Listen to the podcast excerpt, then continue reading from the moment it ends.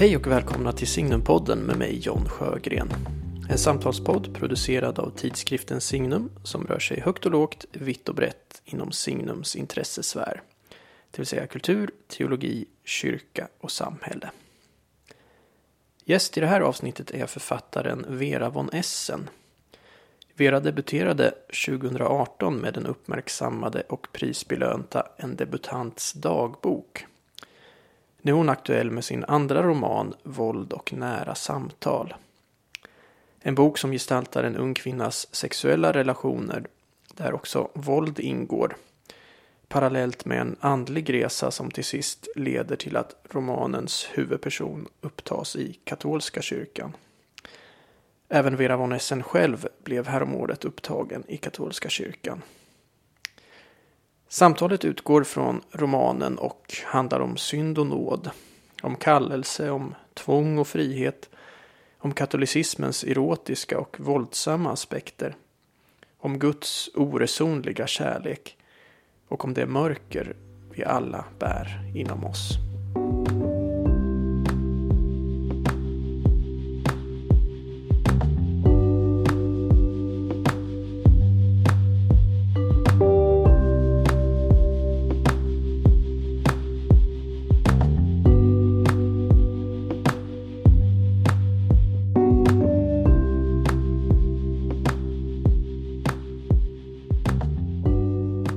Välkommen till Signumpodden, Vera von Essen. Tack så mycket.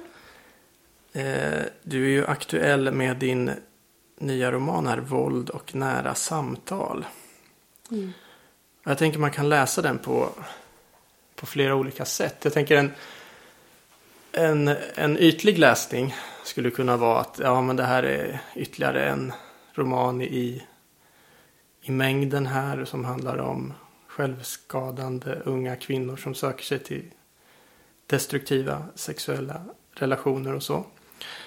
Mm, men jag läser den här romanen mer som en slags själsdrama om synd och nåd. Eh, nästan en modern kristens resa. Mm. Eh, en människas väg till Gud.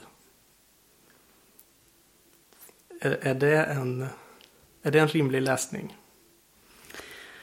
Alltså för det första så tror jag att eh, det här inledande eh, om eh, självskador liksom, eller destruktiva relationer är ju inte riktigt, alltså i och med att den har en, en så viktig eh, samtyckes tematik. Så att det är inte, det är kanske väldigt liksom eh, vanskligt att, att tänka sig att det liksom handlar om destruktivitet enbart. Men, men, eh, men verkligen alltså själsdrama mellan synd och eh, nåd, det är det ju. Jag, för jag läser den då lite som en berättelse om hur en gud liksom tålmodigt, kärleksfullt drar en människa till sig. Mm. Eh, och och hur nåden då kan bryta in i en människas liv. Även när vi tänker oss att vi kanske befinner oss långt borta från Gud. Mm. Så, så finns han där. Mm. Eh, och framför allt tänker jag på ja, det här som du nämner nu då. Att det handlar så mycket om eh, medgivande. Mm. Samtycke. Att mm. säga ja till, till Gud. Mm. Eh, det finns en nyckel som jag upplever som en nyckelmening i i romanen. Mm. Eh, och det är när du skriver så här på ett ställe. Det värsta med Gud är att han kräver vårt medgivande. Mm. Att han väntar på vårt samtycke. Mm. Att han inte tvingar sig på. Mm. Det, det, är för mig liksom tolkningsnyckeln. Mm. Just det, men det är också någonting i början att um, den enda som har makten att tvinga oss till något avstår. Mm. Men det finns ju någon sorts hur ska man liksom uppbåda det där jaet? Eller hur ska man, alltså det, det är någonting så... Um, det finns också någonting så mödosamt i att säga ja. Att, um, jag tror att också att um, apropå samtycke eller att våld då är ett sätt att, liksom att, att, bli, att bli så att säga um, tagen eller liksom uh, våldförd är också ett sätt att slippa um, bara liksom ge ett aktivt ja, men det kräver ju också någon typ av aktivt samtycke. Um...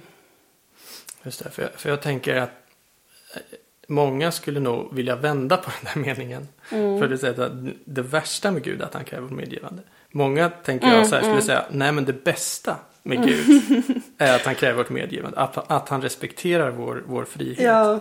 Men så tänker jag då för romanfiguren här då i din, din roman så, så blir det där då väldigt svårt. För hon, mm. för hon är van vid de här liksom underkastelselekarna och, och den här eh, mm, liksom leken med maktlöshet som, mm, fin, som finns i de här sexuella relationerna. Så, så därför så, så blir det här så svårt för henne. Men det unika med relationen med Gud och med Kristus mm. är ju att han, han vill ju inte ha underkastelse.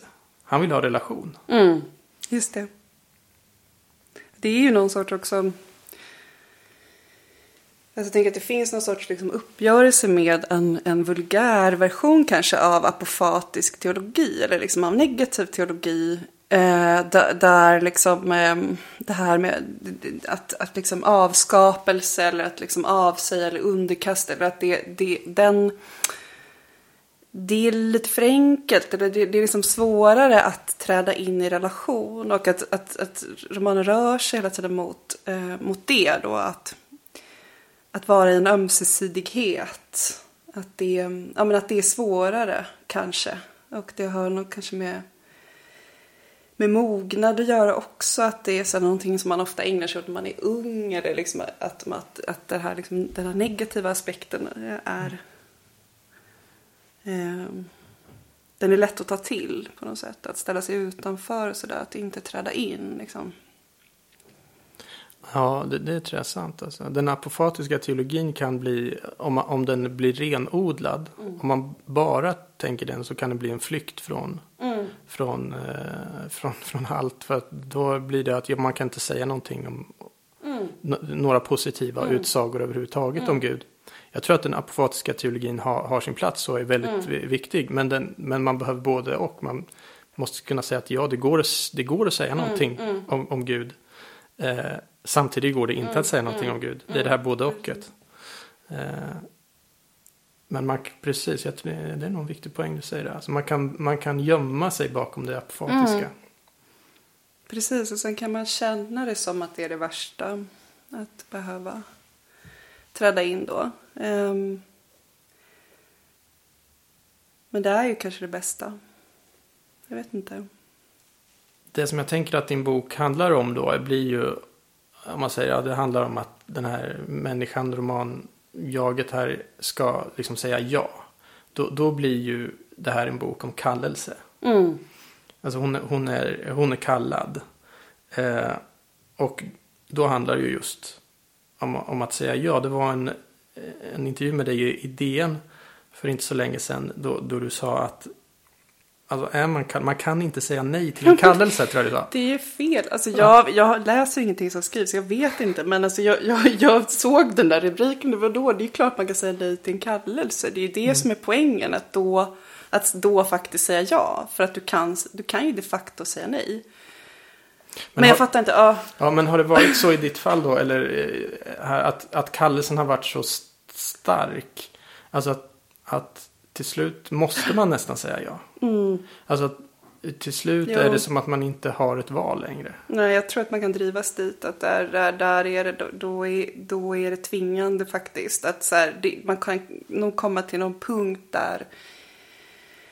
Och jag tror att det, det är också någon, någon sorts metanivå i det. Alltså att skrivandet också fungerar väldigt mycket så att um, du kommer till en plats där du kan inte kliva av, du kan inte säga nej. Du, det, det är ofta där jag hamnar också när jag skriver. Att jag, det är någonting liksom med Paulus, det här att liksom det jag, det jag inte vill, det gör jag. Eller liksom det jag avskyr, det gör jag. Alltså det är mm. någonting att drivas till den där platsen där man liksom inte längre kan, eh, där kan där man kan inte kliva av, man kan inte liksom, man måste bara stå ut, man måste stå kvar och hålla ut. Och att det är också en, en typ av um, etik som intresserar mig. Att där finns det inte så många svar kvar. Utan det handlar om någon sorts uthållighet. Och en reell ovisshet. Alltså från min egen sida också. Att jag, jag vet lika lite som läsaren kanske. Men jag uppfattar ju romanen som, som väldigt tvingande. Alltså att mm. den har en rytm eller ett tryck som, som, är, som var, det var tvingande. Sen är det väldigt svårt att skriva. Det är alltid jättesvårt. Så att... mm. Jo, men så, det skulle jag nog hålla med om. Det, det, eh, ja, det finns något tvingande i de där, eh, i hennes eh, rörelse mot kyrkan. Mm. Att det liksom mm. kommer he, hela tiden, liksom påminner henne. Mm.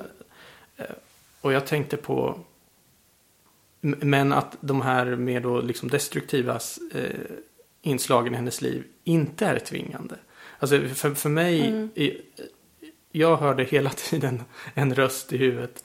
Alltså ett Jesus ord när jag läste romanen. Och det var det här som Jesus säger ofta. Res dig upp och gå. Mm. Det liksom ekade i mitt huvud nästan hela tiden när jag läste. Mm. Eh, att som då någon slags ord till, till romanfiguren då, romanjaget här. Att ja men liksom stå upp för din värdighet och, och, och liksom lämna de här, det här, liksom, de här destruktiva sammanhangen som, som ju inte är bra för dig. Mm. Och, och, sen, och sen då, vad är det Jesus alltid säger? Res dig upp och gå och sen följ mig. Mm. Och på något sätt när man kommer fram till sista sidorna i boken så är det på något sätt det som hon gör också. Mm. Mm. Men sen är det ju liksom någonting med att eh, hur kan man säga ja till en kallelse med hela sig själv? Alltså att du träder ju också in med din synd och med din destruktivitet. Alltså du kan inte liksom Visst, man lämnar det, men det, det, är också... Det är intressant, tyckte jag, det här att de här två sakerna också kan samexistera. Mm. Alltså att det är mm, inte bara i en själv, liksom, utan i kyrkans um, lek, men hos alla så är det, finns det liksom både och. och um, uh, sen är jag ju har velat skriva från syndens perspektiv. Alltså jag tror att det också har... Det finns en lojalitet med mörkret som, eh, som kanske blir väldigt kopplad till den här tiden som vi lever i som inte vill se att det finns ljus och mörker utan det är någon sorts liksom eh, likgiltigt eller någon sorts liksom dold en väldigt naiv syn på, på ljust och mörkt som, som jag tror liksom framkallar den här.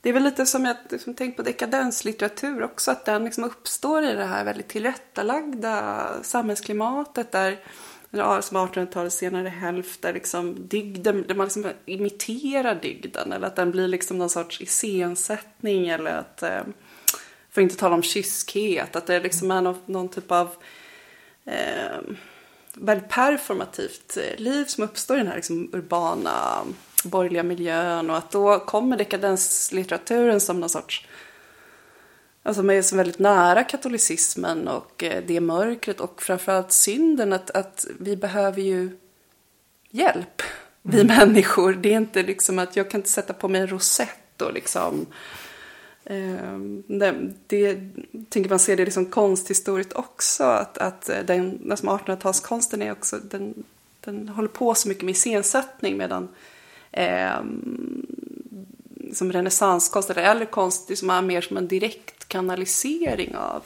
Mm. Att det, det, är så nära kärnan att du inte behöver eh, de här imitationerna. Men så kommer liksom, ja, i den här tiden också det ett behov av att av mörkervandring kanske. Mm.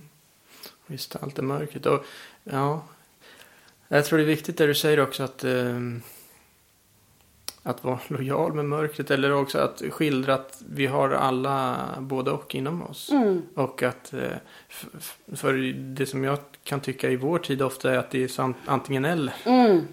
Alltså att Precis. antingen är du god eller så är du ond. Ja, eller sanningen är ingenting. Eller ingenting. Ja, liksom, precis. att det är så här, det är bara ljust och fräscht och det är liksom, det, det är varken mörkret eller ondskan är inte heller särskilt, ska säga, romantisk eller laddad utan den är sådär väldigt ehm, tom. Ehm, Mm.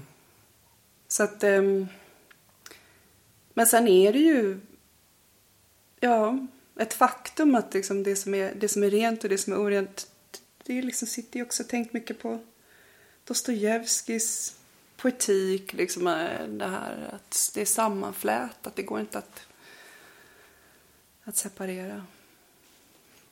Nej. Sen så är, är det ju ett ständigt, ja men ett ständigt, ständigt, ständigt val och liksom en ständig omvändelse och en ständig, ett arbete men att det jag vet inte, det handlar ju om syndmedvetenhet också. Att, Mm. att eh, den här paradoxen i att ju närmare du kommer Gud desto mer påtaglig blir ju din synd.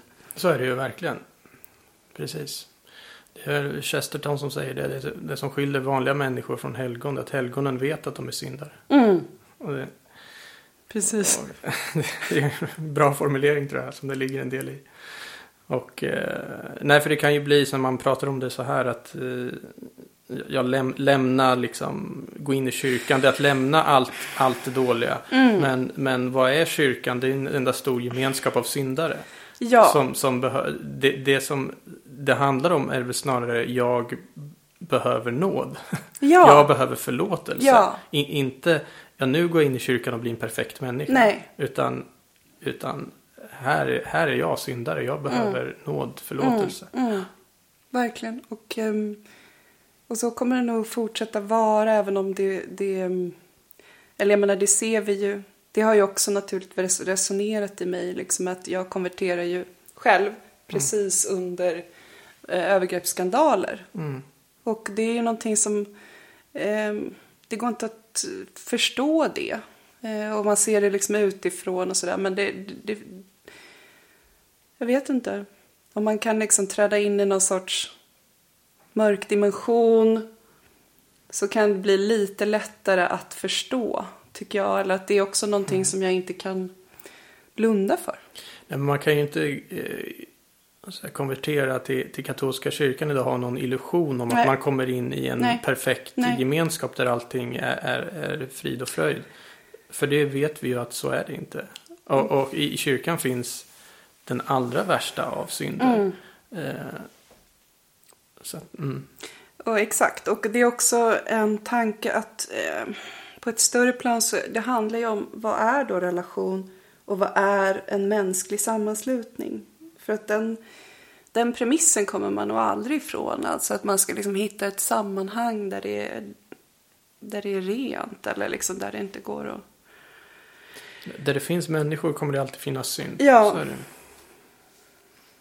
Precis, men det, det är också det här att, att skriva från syndens perspektiv, det har ingenting med resignation att göra. Alltså det är någonting i att så här, hela tiden orka. Alltså jag har pratat något annat samtal om det, liksom hur man orkar i senkapitalismen. Hur, or, hur kan man liksom hur kan man se, hur kan man orka, hur kan man se Gud i det lilla, fula, det som är massproducerat eller det, liksom, hur ska man så det är ju det är en sorts lojalitet med mörker men det är också ett ständigt eh, ja, insisterande.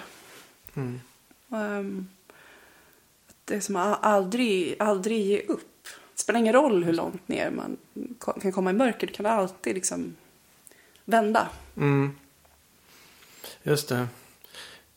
För det tänkte jag också som en, som en fråga här. Alltså, är det så att man måste, alltså för att verkligen uppleva nådens ljus sådär fullt ut, måste man då först ha nått botten?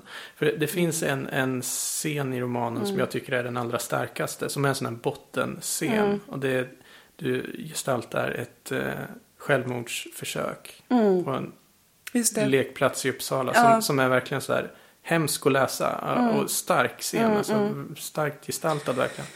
Och det tänker jag är så här botten, på något sätt, bottenscenen på Mm. något sätt i, i romanen.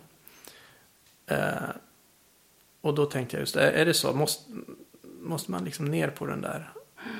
är, är det först när man har nått den där allra djupaste, mörkaste, mörkaste, vart, på, vart i det mörkret, mm. är det då, är det först där som ljuset blir synligt? Jag tror inte att det är så för alla, men jag tror att många, alltså jag kanske mm, jag tror att det, det, det finns någonting som Gunnar Wallqvist skriver om med det här med ytterlighetsmänniskan. Att eh, hennes längtan, alltså ytterlighetsmänniskans längtan efter Gud i moderniteten. Hur svårt det kan vara att få den radikalitet, den andliga radikalitet som, som finns inom att man får inte den speglad i de här liksom, premisserna som vi lever under. Um, i väldigt så här, kommodifierat, avförtrollat och kliniskt synsätt på människan. Och att um, där kanske det krävs, för en sån typ av människa kanske det krävs mycket, mycket mer. Jag tror att må många är ju så att det är inte förrän man liksom nästan dör eller att det, det behövs någonting sånt där oerhört livsomvälvande. Sen kan jag önska att jag, och jag kämpar ju liksom för att bli mer av en söndagskatolik där jag liksom kan så, men att ähm, jag tror att det där... Um, jag är också väldigt förtjust i Jobs bok. Alltså den här mm. uh, bottenlösheten och det här extrema alltså insisterandet på elände och, och liksom um, det, jag tycker det är ljuvligt alltså. Det är någonting, jag vet inte om någon har gått längre i pessimism. Det är liksom i vår litterära eller kanon liksom. Eller predikaren. Alltså, ja. Nej, det finns ju verkligen i vår tradition. Ja. Mm. Nej, det får man inte glömma bort. Att det är verkligen och det är han som har rätt. Det är, det, är, det är Jobb som har talat sant. Det är han som blir upprättad. Det är inte de som står bredvid och liksom säger beskäftiga, duktiga saker. Utan... Fromma saker. Ja, men liksom, mm. jag tänker så här. De, de, de, de engagerar ju inte Gud så här avsevärt. Så att, um, ja. Men det är svårt för mig att svara på. Jag vet inte om det är så. Att man måste... Um, jag tror att många kanske skulle behöva mer botten än vad man får tillgång till på de sätt vi lever i idag. Liksom. Mm. Där vi ligger väldigt mycket på ytan. Ja, jag kan ibland, jag har ibland pratat om, om sådana här saker med människor i min närhet. Mm. Och, och, för jag tycker det där är intressant med mörkret. Alltså mörkret inom sig själv också. Mm. Eh, och ibland har det hänt då att, att jag inte får något gensvar riktigt. För jag, jag, kan, jag kan uppleva så här, ja men det finns ett fruktansvärt mörker i mig. Ja. Alltså som, är, som, som jag ibland liksom kan få liksom en glimt av. Som, mm. som nästan är så här avgrundsdjup. Mm. Och då jag, då jag verkligen så här, ja men jag skulle kunna vara en ond människa. Mm. Alltså det, jag, jag är nog kapabel till vad som helst. Ja. Under fel omständigheter. Vilket jag tror, vilket ju också liksom historien visar att så är det ju ja. med människor. Ja. Uh. Men det har hänt då att jag liksom fått, nej det, det där kan jag inte relatera till. Mm. Att mm. människor svarar, nej det där mm. förstår jag inte alls vad, vad du, vad du mm. nej det där kan jag inte känna Och då kan jag känna så här nästan som en, liksom så här, nej vi förstår inte varandra alls. Nej. Alltså. Eh, det tycker jag låter lite läskigt. Jag tycker också det låter lite läskigt att man. Vad är med det som aldrig har känt ett, eller vad, hur? Ja, det, jag vet inte om jag uttrycker mig kanske lite så drastiskt då, men, men jag, jag, jag, tycker att det liksom är så. Jo, men ibland kan, kan jag ja. ana att det finns något, något, något hemskt inom mig. Liksom. Mm. Som om jag inte liksom höll det i schack eller så. Ja, så och, så, och släppte lös det så kunde, det, kunde jag göra fruktansvärda mm. saker. Mm. Alltså. Och det är ju det är så ödmjukande att få, få se det. Tycker jag. Alltså det, det gör mig... Det är skrämmande och ödmjukande på samma gång. Mm. Mm. Men jag vet inte, det kan, det, jag tänker att det är, är sådana saker som konst till exempel kan hjälpa ja. en med att, att öppna upp sådana saker. Verkligen. Som liksom man läser men som din roman eller, eller liksom stor konst överhuvudtaget. Du sa Dostojevskij här mm. tidigare. Alltså, mm. så, Underbart. Eh, det är ju verkligen, verkligen det som man lär sig där. Ja. Att, att liksom, det, det, finns det här inom ja. oss alla. Ja. Och, och jag, jag har liksom aldrig levt det här livet som romanfiguren i din roman. Men jag, jag förstår det. Mm, liksom jag kan, mm, jag... Mm. just det. Det är inget, jag, jag blir inte förfärad liksom. Nej, nej. Bra.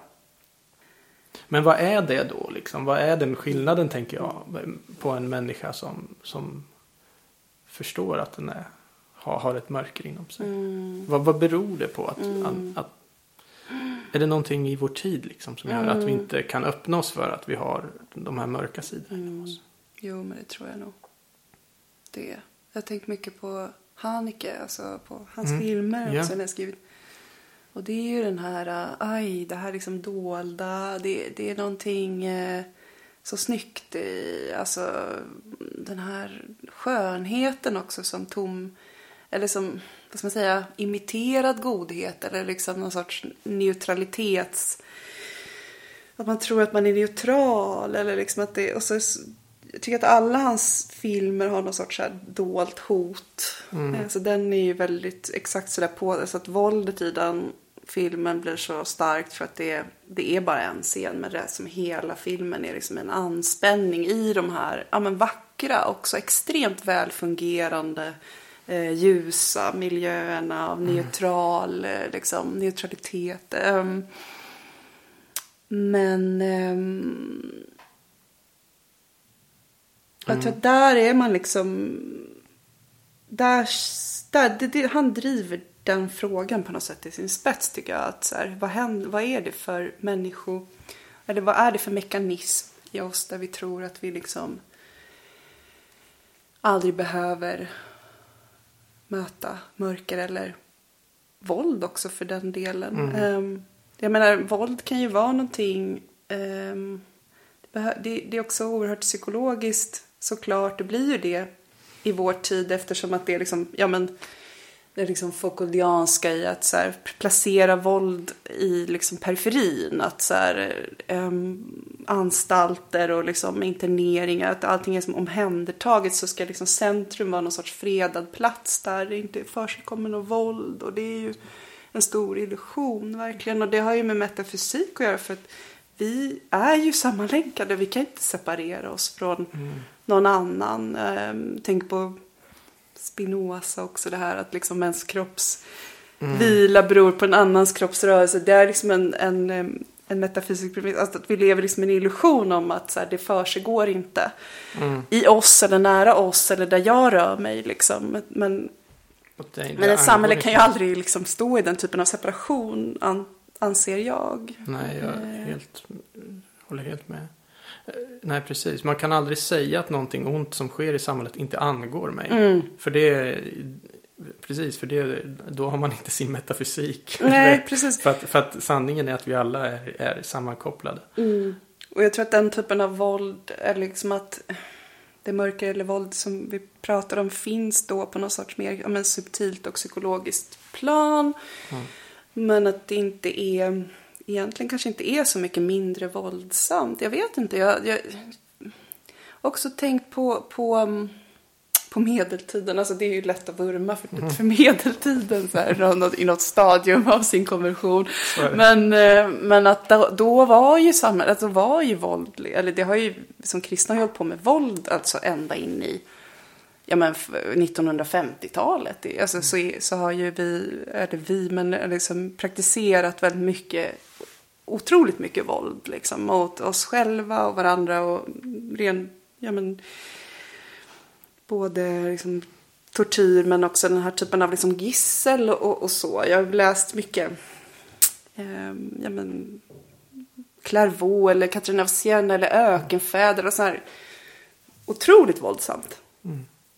Och jag tror att så, så här, man, man kan också, om man liksom har en ingång som kristen till, till nya testamentet, till nya förbundet så kan det finnas en tendens att man tänker så här, ja men äsch, liksom det där gamla testamentet, det, det måste liksom förstås i sin tid och det, för det är ju oerhört våldsamt. Och, och att, men så börjar jag tänka så här, vad händer då om jag om jag tänker på våld lite mer som, som kanske kärlek. Finns det kärlek i, i den typen av tuktan? Eller, alltså, det, det är någonting man värjer sig mot ganska automatiskt också i vår tid. Alltså att den, den tanken är så svår att närma sig. Ehm, men det finns ju det är hela tiden liksom så återkommande det här att så här, vi, också att, att den, den, som, den, som, den som slår oss tröstar oss. Den som, den som framkallar såren förbinder dem. Det finns ju också någon, mm. så oerhört mycket sånt. Um, så det fascinerar mig. Mm, det, finns ju, det finns ju en sån koppling i, i romanen ändå mellan den här liksom BDSM-världen mm. som hon är i och, och liksom det andliga i romanen. Det, det är ju inte två helt åtskilda saker. Och, och, det finns två begrepp som kommer tillbaka flera gånger i och det är begär och passion. Mm. Alltså hur tänk, har du tänkt någonting kring det, hur du använder dem? Alltså, hur förhåller sig de två till varandra? Alltså, jag kan också känna mig väldigt trött på ordet begär. Mm. Populärt det, ord idag. Ja, det är det. Mm. Men passionen har ju någon sorts... Um... Passionen har vi ju lidande också. Liksom. Mm. Absolut. Ja, svår fråga alltså. Passion och begär. Vad tänker du? Eller vad liksom... Ja, men alltså, begär är ju i, i kristen tradition skulle jag säga inte något negativt i sig. Nej. Alltså det, ju, det, finns ju många andliga traditioner och religiösa traditioner där man tänker sig att begäret är något dåligt i sig. Att man mm. tänker med kanske mm. österländska traditioner, buddhism och så går ut på att liksom släcka begären. Mm. Att, att liksom döda begären inom sig. Mm. Men det säger ju inte liksom, kristen spiritualitet. Den säger att begären är ju goda. Mm. Men de måste riktas. Mm. De måste riktas rätt. Alltså. Eh, allting måste, liksom, Gud måste finnas i centrum. Mm. Eh, för, för det är Gud mm. som är allt begärs mål och, mm. och källa. Det. Eh, och det är när vi liksom inser det och, och riktar våra liv åt det hållet som, som liksom begären blir ordnade. Mm. Så det handlar mm. inte om att släcka begär utan att ordna begären.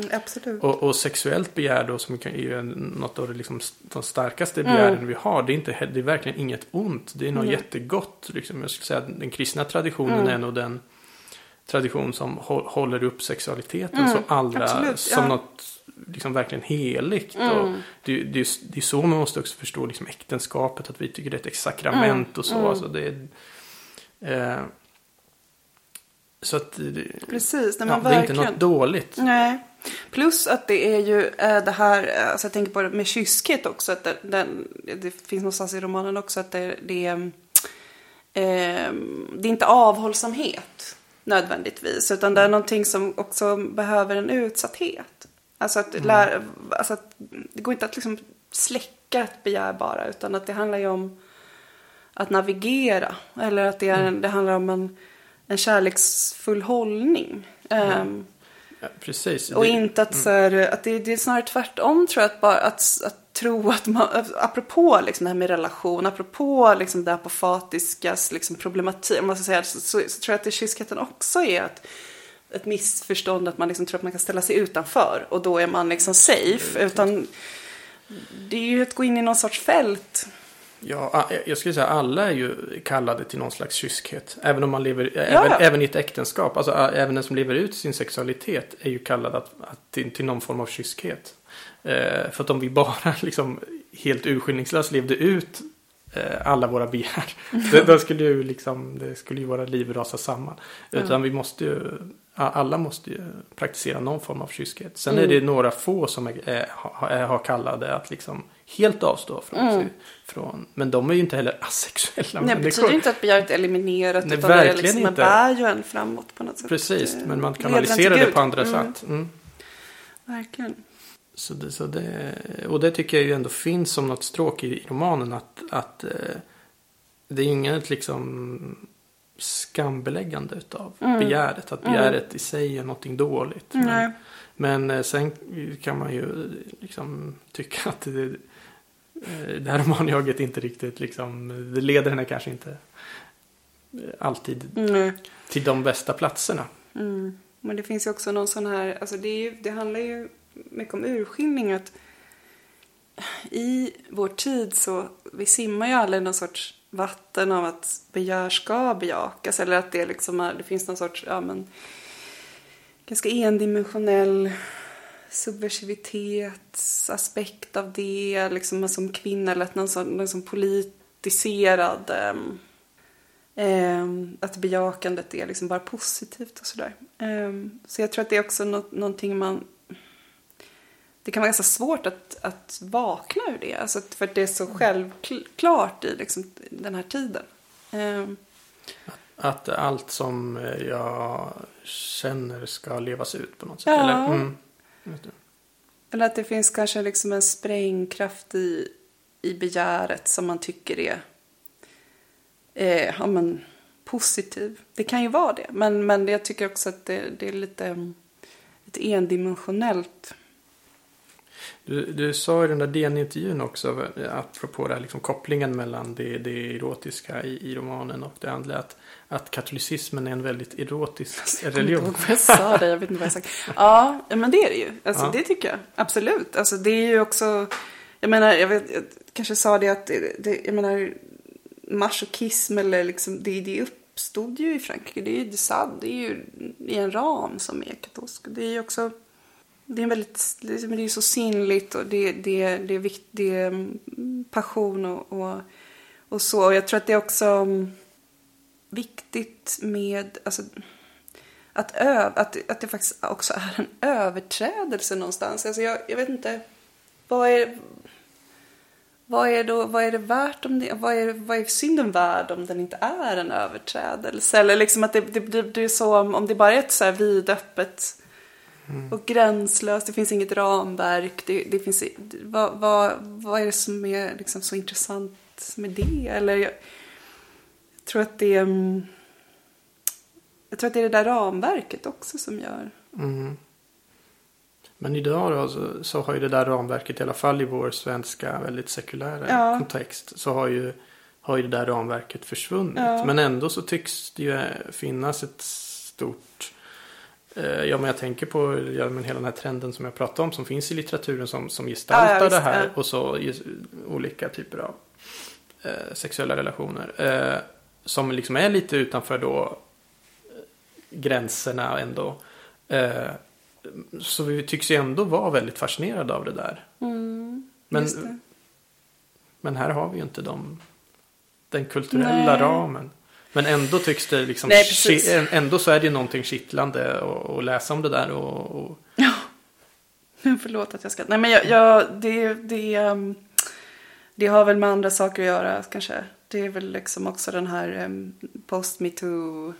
Eh, mm, så här, mm olika premisser för samtycke och sådär som gråzoner och det har liksom vidgats ja, i vad man, kan, vad man kan prata om eller vad man kan berätta och, och sådär. Ja, det. Och då kommer en Kanske det också, jag vet inte.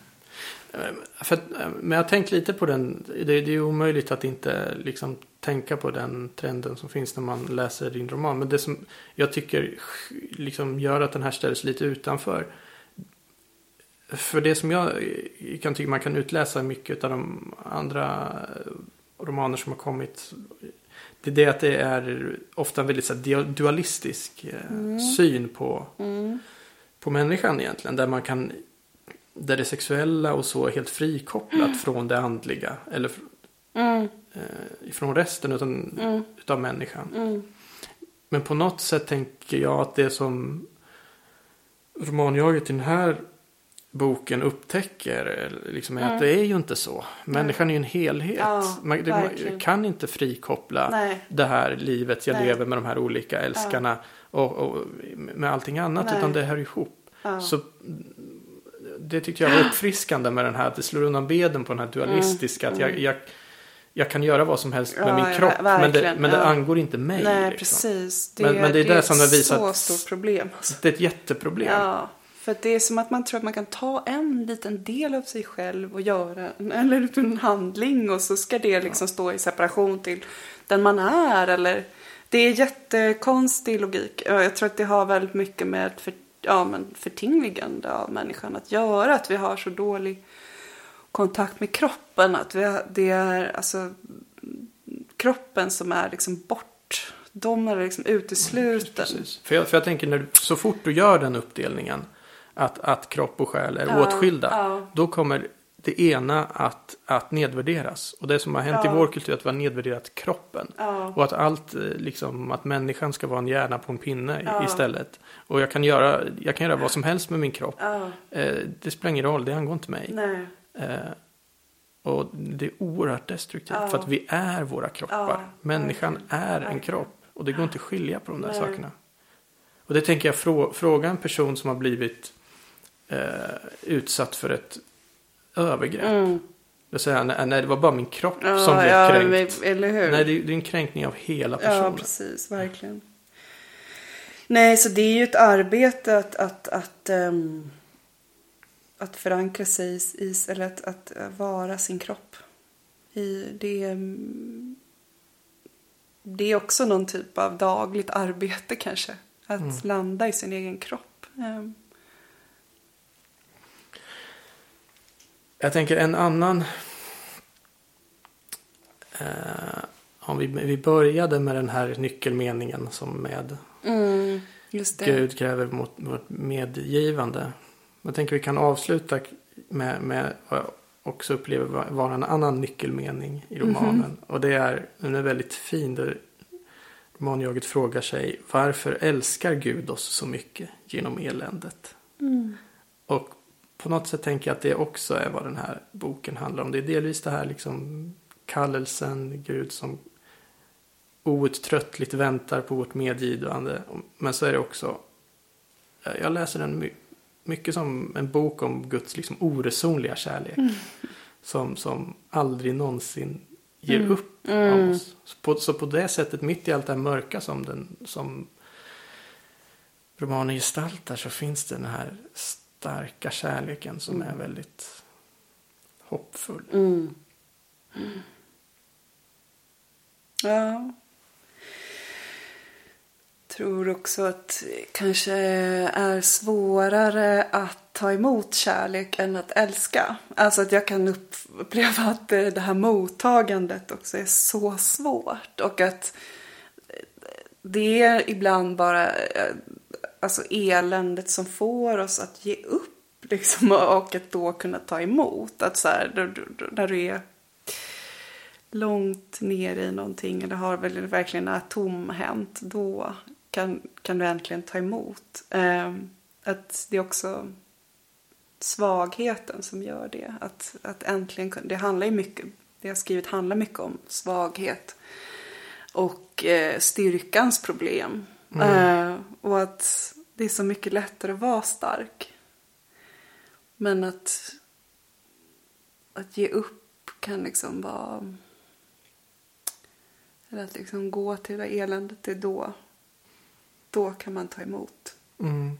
Och du har som ett inledande citat, har Ja, du det där. Paulus-citatet. Ja. När han skriver att han skryter med sin Ja, svaghet. det är helt underbart att Ja. skryta med sin svaghet. Ja. Men det, är någon sorts triumf i det, för det är svårt eh, med svaghet. Alltså, Mm. Det är ju det. Men jag tror att svaghet och kärlek eh, har, hör intimt samman. Mm. Alltså. För jag tror på något sätt att det, man bara kan älska det svaga. Att jag tänker på, ibland tänker jag att det är därför Gud var tvungen att bli människa. Mm. För att han var tvungen att bli svag. Mm. För att, men, så att vi inte bara skulle kunna dyrka honom. Utan Mm. också älska honom. Ja. Och därför var han tvungen att bli svag för vår skull. Mm. Så jag tänker det där hör samman den här som du skriver då, Guds, Gud älskar oss genom eländet för att han älskar oss för att vi är så svaga. Ja. Är det rent av det som, som den här romanen gestaltar? Mm. Hennes väg på något sätt att bli, att bli svag. Mm. För att på så sätt kunna ta emot Mm. kärlek. Mm. Jo, men så tror jag nog att det kan vara. Jag misstänker det. Tack själv. Vera von Hessen för att du gästade Signumpodden. Tack. Och eh, tack alla ni som har lyssnat. Och lyssna gärna på oss igen i nästa avsnitt. Hej så länge. Hej.